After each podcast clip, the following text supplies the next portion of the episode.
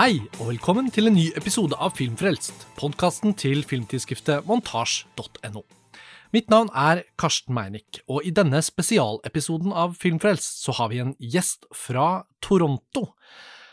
Kortfilmprogrammerer Jason Anderson fra Toronto International Film Festival er med oss i denne episoden for å snakke om sitt forhold til programmering av kortfilm, og ikke minst sitt engasjement for kortfilmfestivalen i Grimstad. Jason Anderson sitter i juryen for Norsk kort under årets utgave av Kortfilmfestivalen, men har også ved flere tidligere anledninger engasjert seg i vår kjære norske kortfilmfestival. Så i anledning hans eh, deltakelse og hans erfaring og hans perspektiver på kortfilmens posisjon, både før pandemi, under pandemi og etter pandemi, så har han stilt opp i et intervju med oss nå i forkant av at Kortfilmfestivalen 2021 går av stabelen. Jason Anderson snakker med oss om eh, både det ene og det andre, og samtalen utspiller seg naturlig nok på engelsk. Han befinner seg i Toronto og eh, deltar over Skype, så da setter jeg egentlig bare over til samtalen vår med Jason Anderson, og så får dere bare ha god fornøyelse. So, that was my Norwegian introduction. Programmer of short films for Toronto International Film Festival, Jason Anderson. Welcome to the podcast, Jason. Great, thanks. Happy to be here. So, you are also a freelance critic and, uh, in general, uh, a knowledgeable person regarding film. But for this specific conversation, we are talking on the eve of the Norwegian Short Film Festival in Grimstad. And for our conversation, it's been really interesting for me to research into the fact that short films are becoming more and more of a sort of global community, that festivals all around the world are looking to each other, collaborating, sharing films, sharing advice. So we are really happy that you've taken interest in the Norwegian Short Film Festival. So that's the premise. So, but before we start, Jason, could you tell me a little bit more about your work and yourself? Like, what's the short film um, group or the work at Toronto like? Well, it's great. Well, I mean, definitely. I mean, I'll, maybe I'll start with myself because I, I I come from a background as a journalist and a critic, and I spent a long time in. Uh, I'm based in Toronto, and I've spent a long time writing about films, and that was kind of my way into programming. Um, was just basically as as as a critic, and I think it's a, a journey or, or a, a trajectory that uh, uh, that's you know pretty common hmm. um, for programmers and i really had started like i mean i think that for me like i'd started programming for a festival in canada in 2007 or 8 and that was uh, working on uh, sort of just canadian features and i discovered that i really had a, a love of just programming because i think as a critic i was never really one of those critics who really likes to broadcast an opinion about like major Hollywood films or Oscar nominees, and sort of, mm-hmm. um, you know, I kind of felt like it didn't really make any difference to anyone, including myself, what my opinion was about a lot of those films. And I felt that what my value was, if I had any value, was sort of supporting smaller things, um, you know, certainly um, international film stuff, uh, and certainly Canadian films, because it's always hard for Canadian films to get attention within its own country. Mm. And just that sort of work. And I found that programming became a really natural extension uh, progression from that because I felt like this is kind of what I, I cared about sort of supporting the work and, and doing whatever I could to get work seen. And so it was kind of a natural thing again to get into short films for TIFF. And I had a long relationship with TIFF as a Toronto journalist and had sort of been covering it for years and years and just had lots of friends who would worked for TIFF and been programmers. And I was sort of on the periphery. And uh, and my my joke is that uh, my boss, uh, Cameron Bailey, I've known for a long time too. So I think that every six months or so, I would just take him for a drink and just vaguely angle for a job without really yeah. without really ever knowing what I was doing or asking for. Right. But eventually that that that worked out.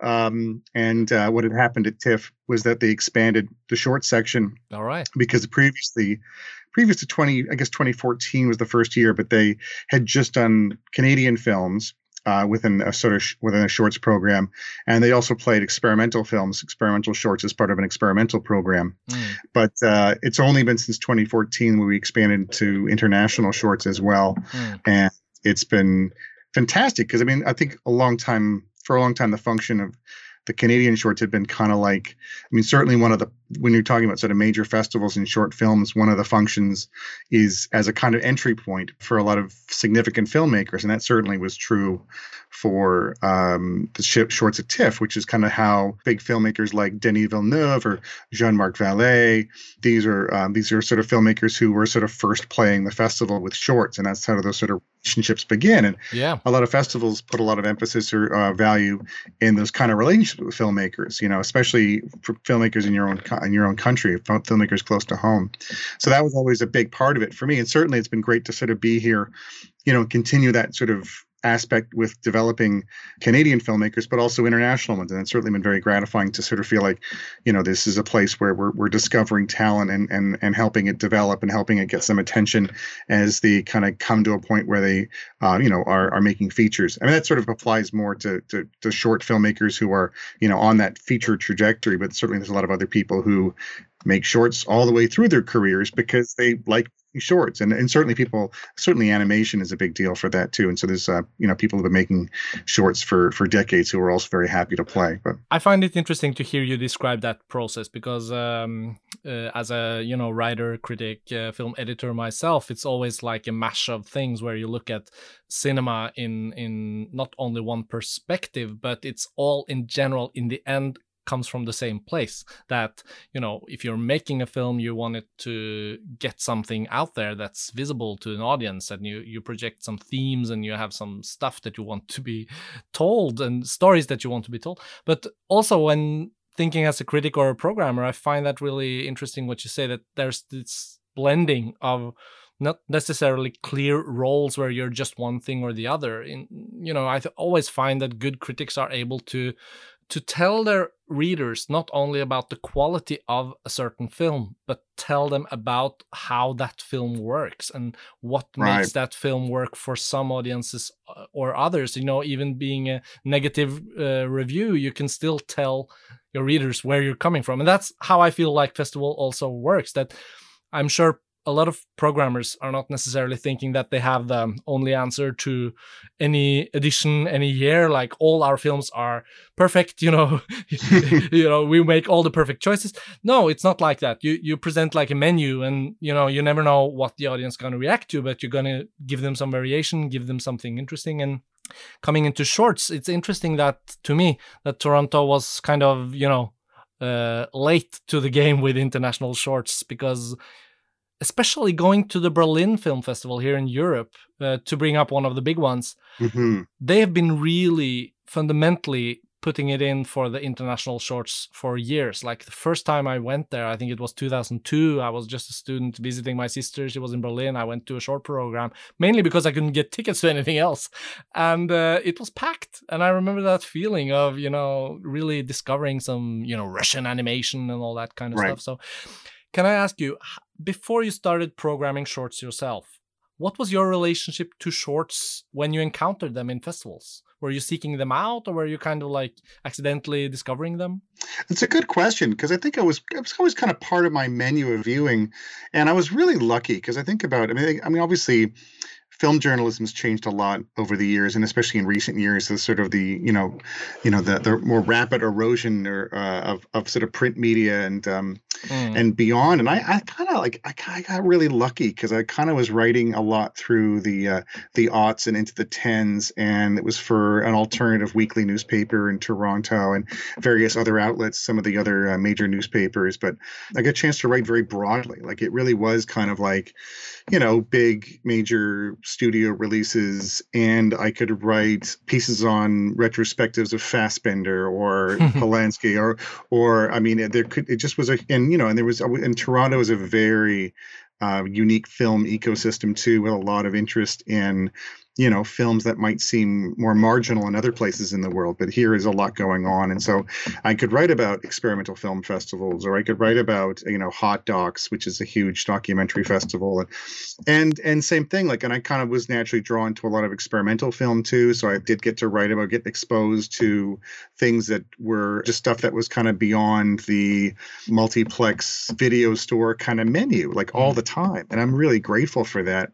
And it's interesting you talk about the kind of you know the kind of broad selection of, of, of films because it, I mean it reminds me about how I used to really kind of like the fact that if I was writing you know weekly reviews I might write mm. about like you know a Taiwanese art film hmm. and a Hollywood movie about a dog and a kid and something else like a rom com all in the same week and and I did get really interested in kind of thinking about well how are these functioning mm. what are they trying to do what makes a sort of successful version of this film versus a less successful version given that all these things have very different audiences and different purposes and that definitely does come to mind and it's again a really you know valuable thing looking at short film and putting together short film programs because you get a vast array of sort of modes and styles and approaches and voices and everything. Yeah. And so that's kind of the the fun and challenging and crazy part of it is just trying to sort of figure out what is each of these things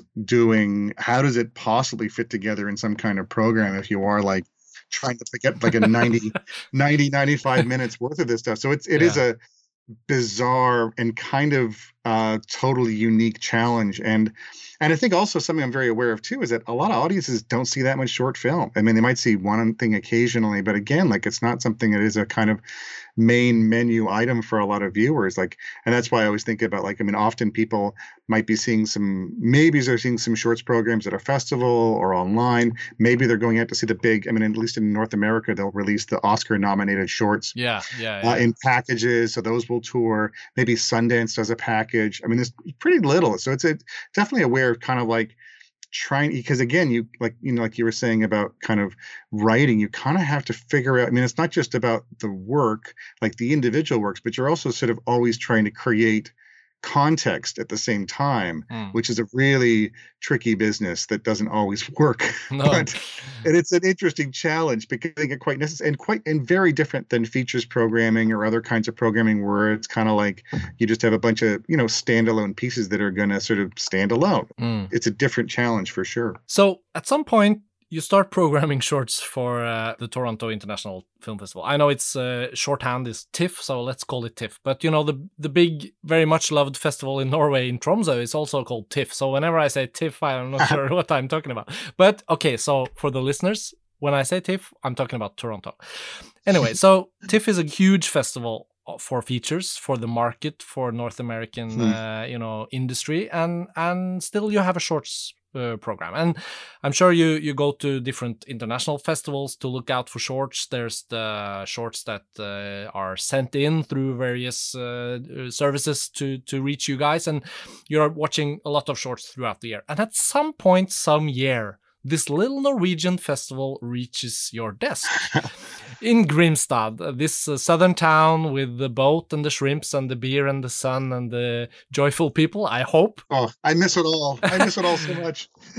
Can you tell us just briefly how you came upon this festival here in Norway and uh, your general first impression of Norwegian shorts? I I'm so happy that we've had the opportunity to come. I mean, I've only been able to come to Grimstad once. I think it was 2018, but I was very much hoping to come back last year before everything went sideways. Yeah, next year. I, very much, I very much hope next year. Yeah. Because it's I I, I really I mean I, I've been so lucky again because of the the sort of opportunities for travel, and I'm again grateful that you know before travel got a lot more complicated, I was able to go to to many places because I mean everything has its own flavor. I mean, it's funny that kind of travel when you do film festivals because they're there's the sort of you know you you, you go you know you know a, a, quarter of the way around the world or halfway around the world and you're like oh here i am back in a movie theater. Yeah. Yeah.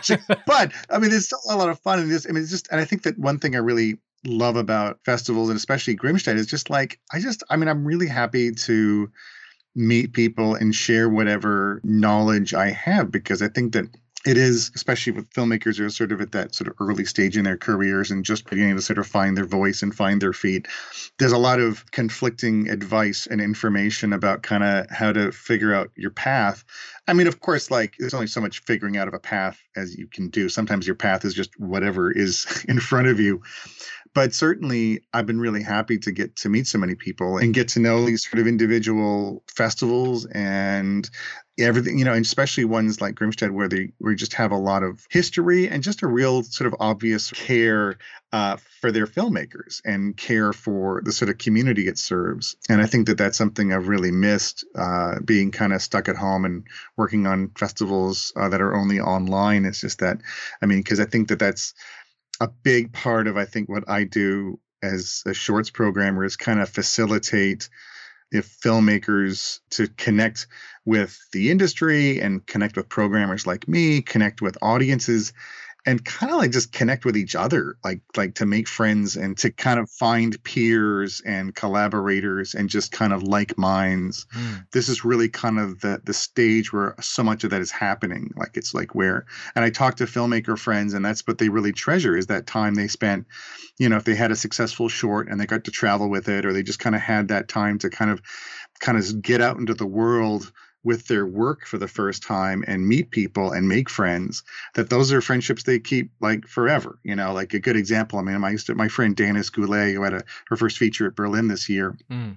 and uh, one of the executive producers on it was Taika Waititi, uh, who's a big deal, of course, because he's Taika Waititi. But that's like a friendship they had starting out. Like they both had shorts, films, and were going to festivals and got to be friends. And you know, hmm. years later, you know, at, at, least one of them has an Oscar. but uh, Dan, Dan will get hers in time. But that, I thought was a great example of that because those, you know, those are kind of things that are, are formed amongst filmmakers, amongst peers, that is sort of happening at this stage. So I think that that's that's a big part of what I do, and a big part I think what, what festivals, especially short festivals, do is just kind of create those opportunities for for filmmakers to kind of find each other. Yeah, no, it's very much true, and I think. Uh, well, I don't know if that's the perspective you got on it, but when the Norwegian short filmmakers and you know industry people gather in Grimstad, there's this very special opportunity to share not only the films but the kind of glue between mm. every screening, the, the the social meeting places, the conversations in the corners, you know, the buzz, the, all that it's true of all kinds of festival everywhere. It's not unique to Grimstad, but this is this is the kind of vacuum uh, situation where where the sparks that you describe just exactly like that, like that social small ties, small things that that uh, bind people together, and that's where stuff grow out of. And I know it's been said about short films forever, and I'm sure it was true in the 60s and 70s as well, in a way. But what is truly happening in the 2000s and hopefully it's really really still happening uh, is that the conjunction of the physical at the festivals the online opportunities that give every global citizen kind of the same access in a way because everyone can reach some sort of internet connection everyone can shoot something on their camera mm-hmm. it's kind of a cliche to do that and say that everyone can make a film but from my experience, watching different kinds of shorts, programming places, films from all kinds of countries, you actually see that it seems mostly to be a bit true. That mm-hmm. you, in general, in programming, you see some kind of little bit more budgeted film, you see something from a student, you see, and then suddenly something appears out of nowhere. That's um, that's quite rare. And I, I was looking at some of the Norwegian shorts that has been screened in Toronto Mm-hmm. I don't know if you were involved in programming each and one of them, but I just remembered because a friend of mine shot it, a cinematographer. There was a short a few years ago called Oslo's Rose. Oh, of course, yeah, from the sporadic, uh, is it sporadic, sporadic film collective, right? E- yep. Exactly, and just wanted to use them as an example because that is one of those rare events where you you get to see like a small group of people. They just find something, and it sparks grow out of and i love the fact that actors are really involved you know that actors are actually creating and you know bringing in uh, uh, technicians and artists from filmmaking groups and then they want to act out something and they write it together.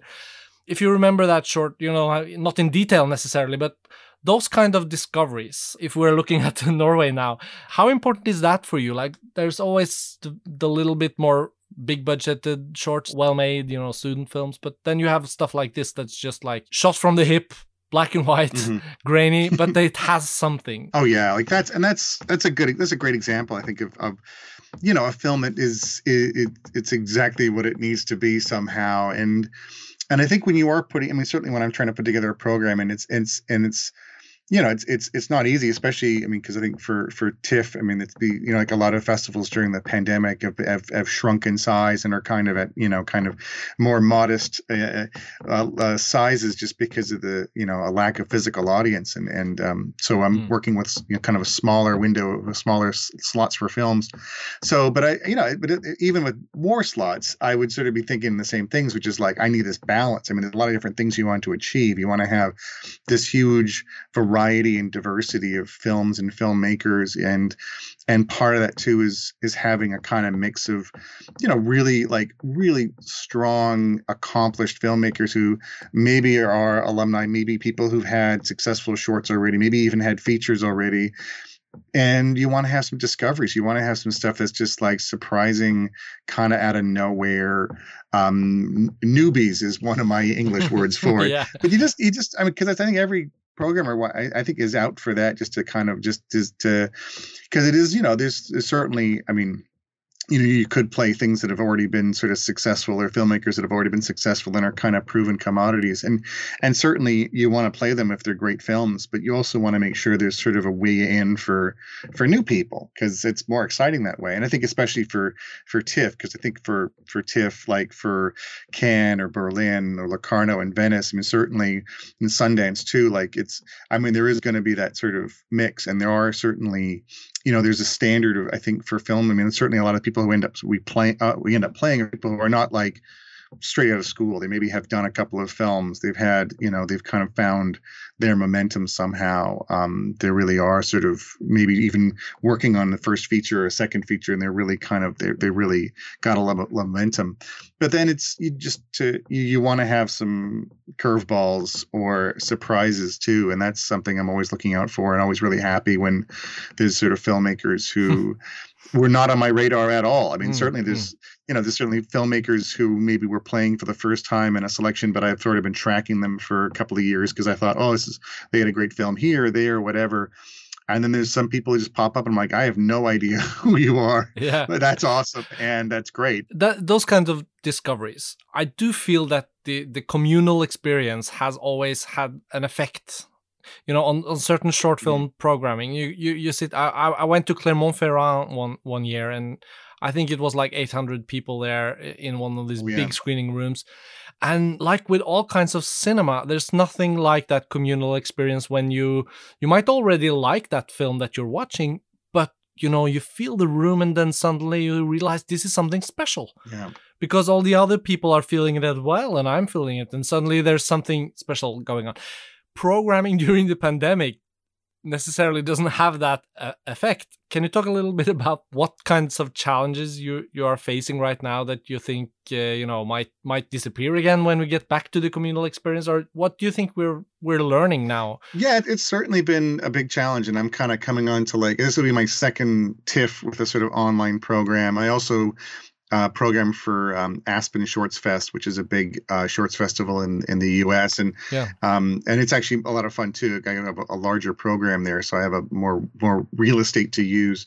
But I think it's been. I mean, I've definitely been conscious of kind of what's happening and on what the differences are for both kind of online versus physical screenings and also what kind of content or what what is the experience that people kind of want from this sort of festival thing when the world outside is uh, a, a heavy yeah you know grueling yeah. confusing place and and certainly i mean that's been i mean i certainly talked to other programmers about the immense volume of pandemic related and, and you know and protest related work that we get and kind of what what's the significant or what's the unique versions of those films and certainly i've seen many many many many films of people in lockdown mm. trying to sort of having that sort of artistic catharsis which i think is great for them um, but maybe not a film that is kind of going to resonate with an audience necessarily or or have a context so it's and certainly i'm thinking about and beyond that thinking about films that are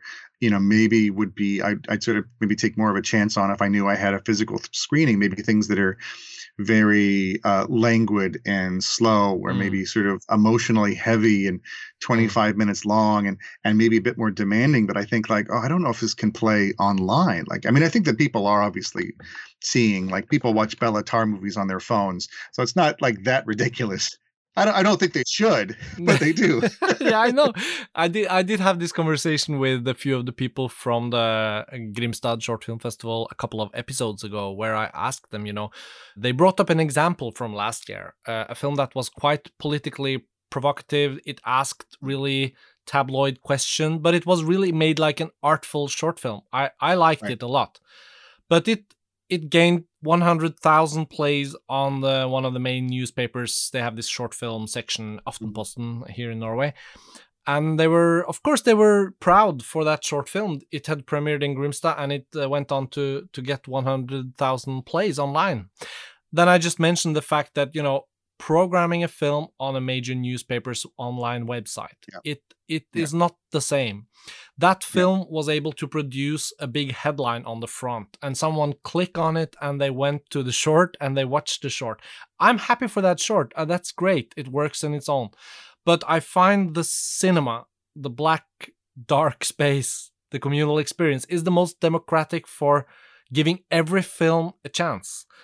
And I really hope that we're not losing that. And I don't think we're necessarily going to see a lot of festivals around the world being like, no, we're finished with the cinema experience. We're going to go online yeah. forever. But somehow we're not going to leave this pandemic without having learned something or without having, you know, brought some new tools into the toolbox. How do you view your own kind of work day with shorts uh, in a post-pandemic if you can speculate you know? Are you going to go as much abroad and watch films in festivals? Are you going to be told to watch more from home because it's more efficient you know? How do you how do you see it? And how do you think programming will change well, I, I, mean, I think it's it's been a lot of interesting conversations about that lately because I think people are starting to kind of get to that point because instead of kind of being in sort of survival mode now, we're sort of thinking about what's what's the post pandemic experience, and I think there's a lot of festivals that have been very uh, happy to have given a lot more access uh, of their of their films to a lot broader selection of people, whether mm. they're very far from those cities or if there's you know kind of accessibility issues due to disability or what have you. There's just so many reasons, and I think a lot of festivals were kind of thrilled to, I mean, kind of come through this really hard time of of putting on a festival and discover that they actually had increased their reach or increased their viewership because that was happening in lots of places.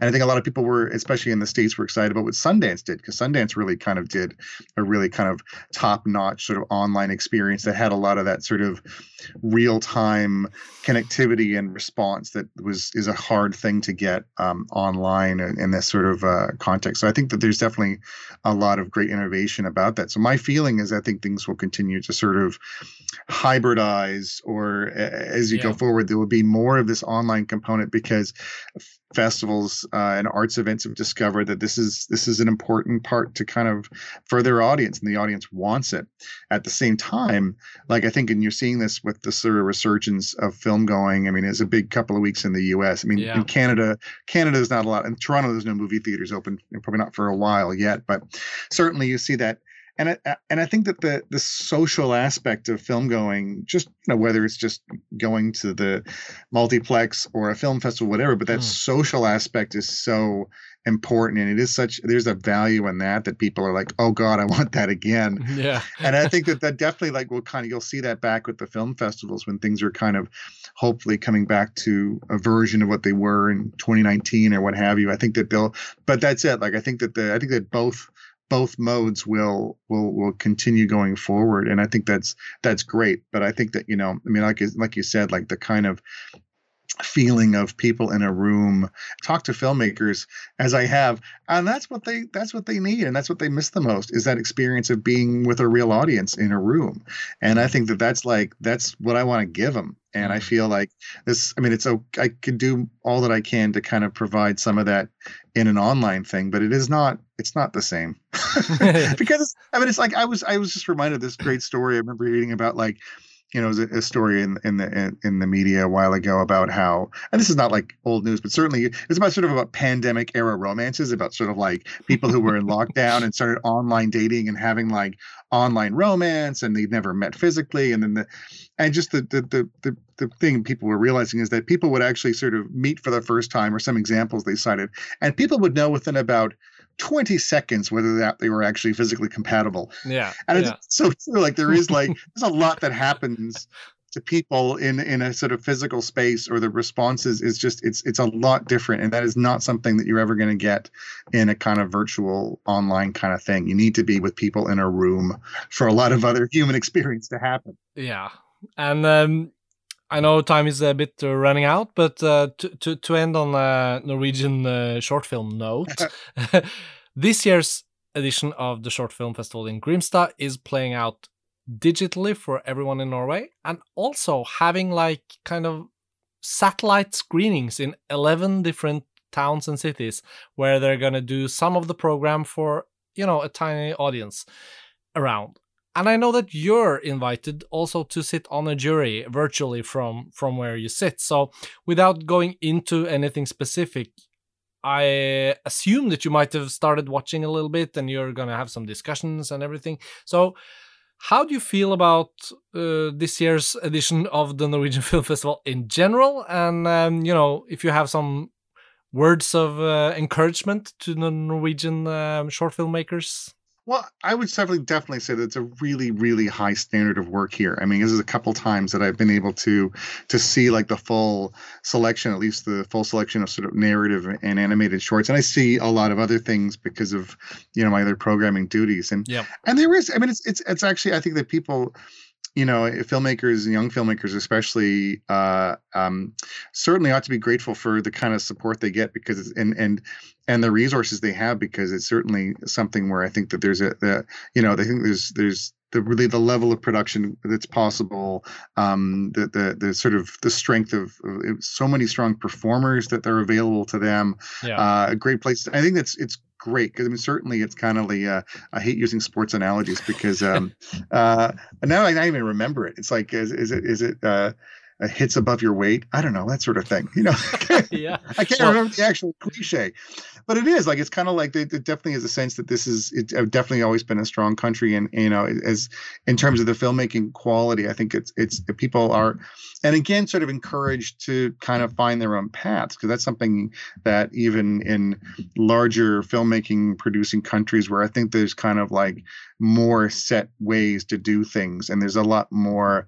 um, homogeneity amongst work that I might see from particular places. Like I think that's something I feel about the films I see for Grimstad is that there's a lot of very different voices and sensibilities and approaches at work as opposed to maybe other places where I just feel like, okay, you're all kind of going to the same film school and learning how to do things in yeah. the same way, and it kind of comes out more or less the same way um, rather than having you know kind of a more capacity for for surprise. Yeah. So I think that's definitely something I'm always happy about to see. I'm happy to hear hear those reflections, and I can just like if I rewind to my film student days, how hard it is for a young filmmaker as a student to actually liberate herself or himself to think that you know I'm just gonna go with what I feel, and I don't want to you know look similar to everyone else, and I trust my gut. Because that's the hardest part for a lot of uh, people because the film industry is so uh, weighted on you know ambition and you have all these uh, anxieties for how people are gonna look upon you and your work and even the most successful people that end up making very distinct artful pieces they have these anxieties on the way to towards something bigger and that's how i feel about short films that it's that little step on the ladder or you know even artistically or uh, ambition wise you can still make something and don't feel like the whole world is going to crumble if you if you if you don't succeed. So yeah we are really looking forward to this year's edition and i hope it's also going to be like a celebration of the reopening of norwegian society because yeah. we are this week seeing the you know seeing the horizon opening up again so so thank you a lot jason for just like taking the time to chat a little bit about short films in general programming grimstad all of it and I hope you know and you feel welcome back physically when when it all is allowed. And I assume that it will be in 2022. So let's see if the festival invites you. But we hope to see you here. I hope so. Yeah. I hope so because I'd love to come back. All right, Jason. Thanks again, and um, you know, enjoy the rest of your uh, short film viewings in regards to Norwegian shorts. And uh, you know, we talk to you soon uh, at another uh, time. Great. Well, thanks so much, and uh, looking forward to be back. Thank you very much. Bye bye. Thanks again. Bye bye.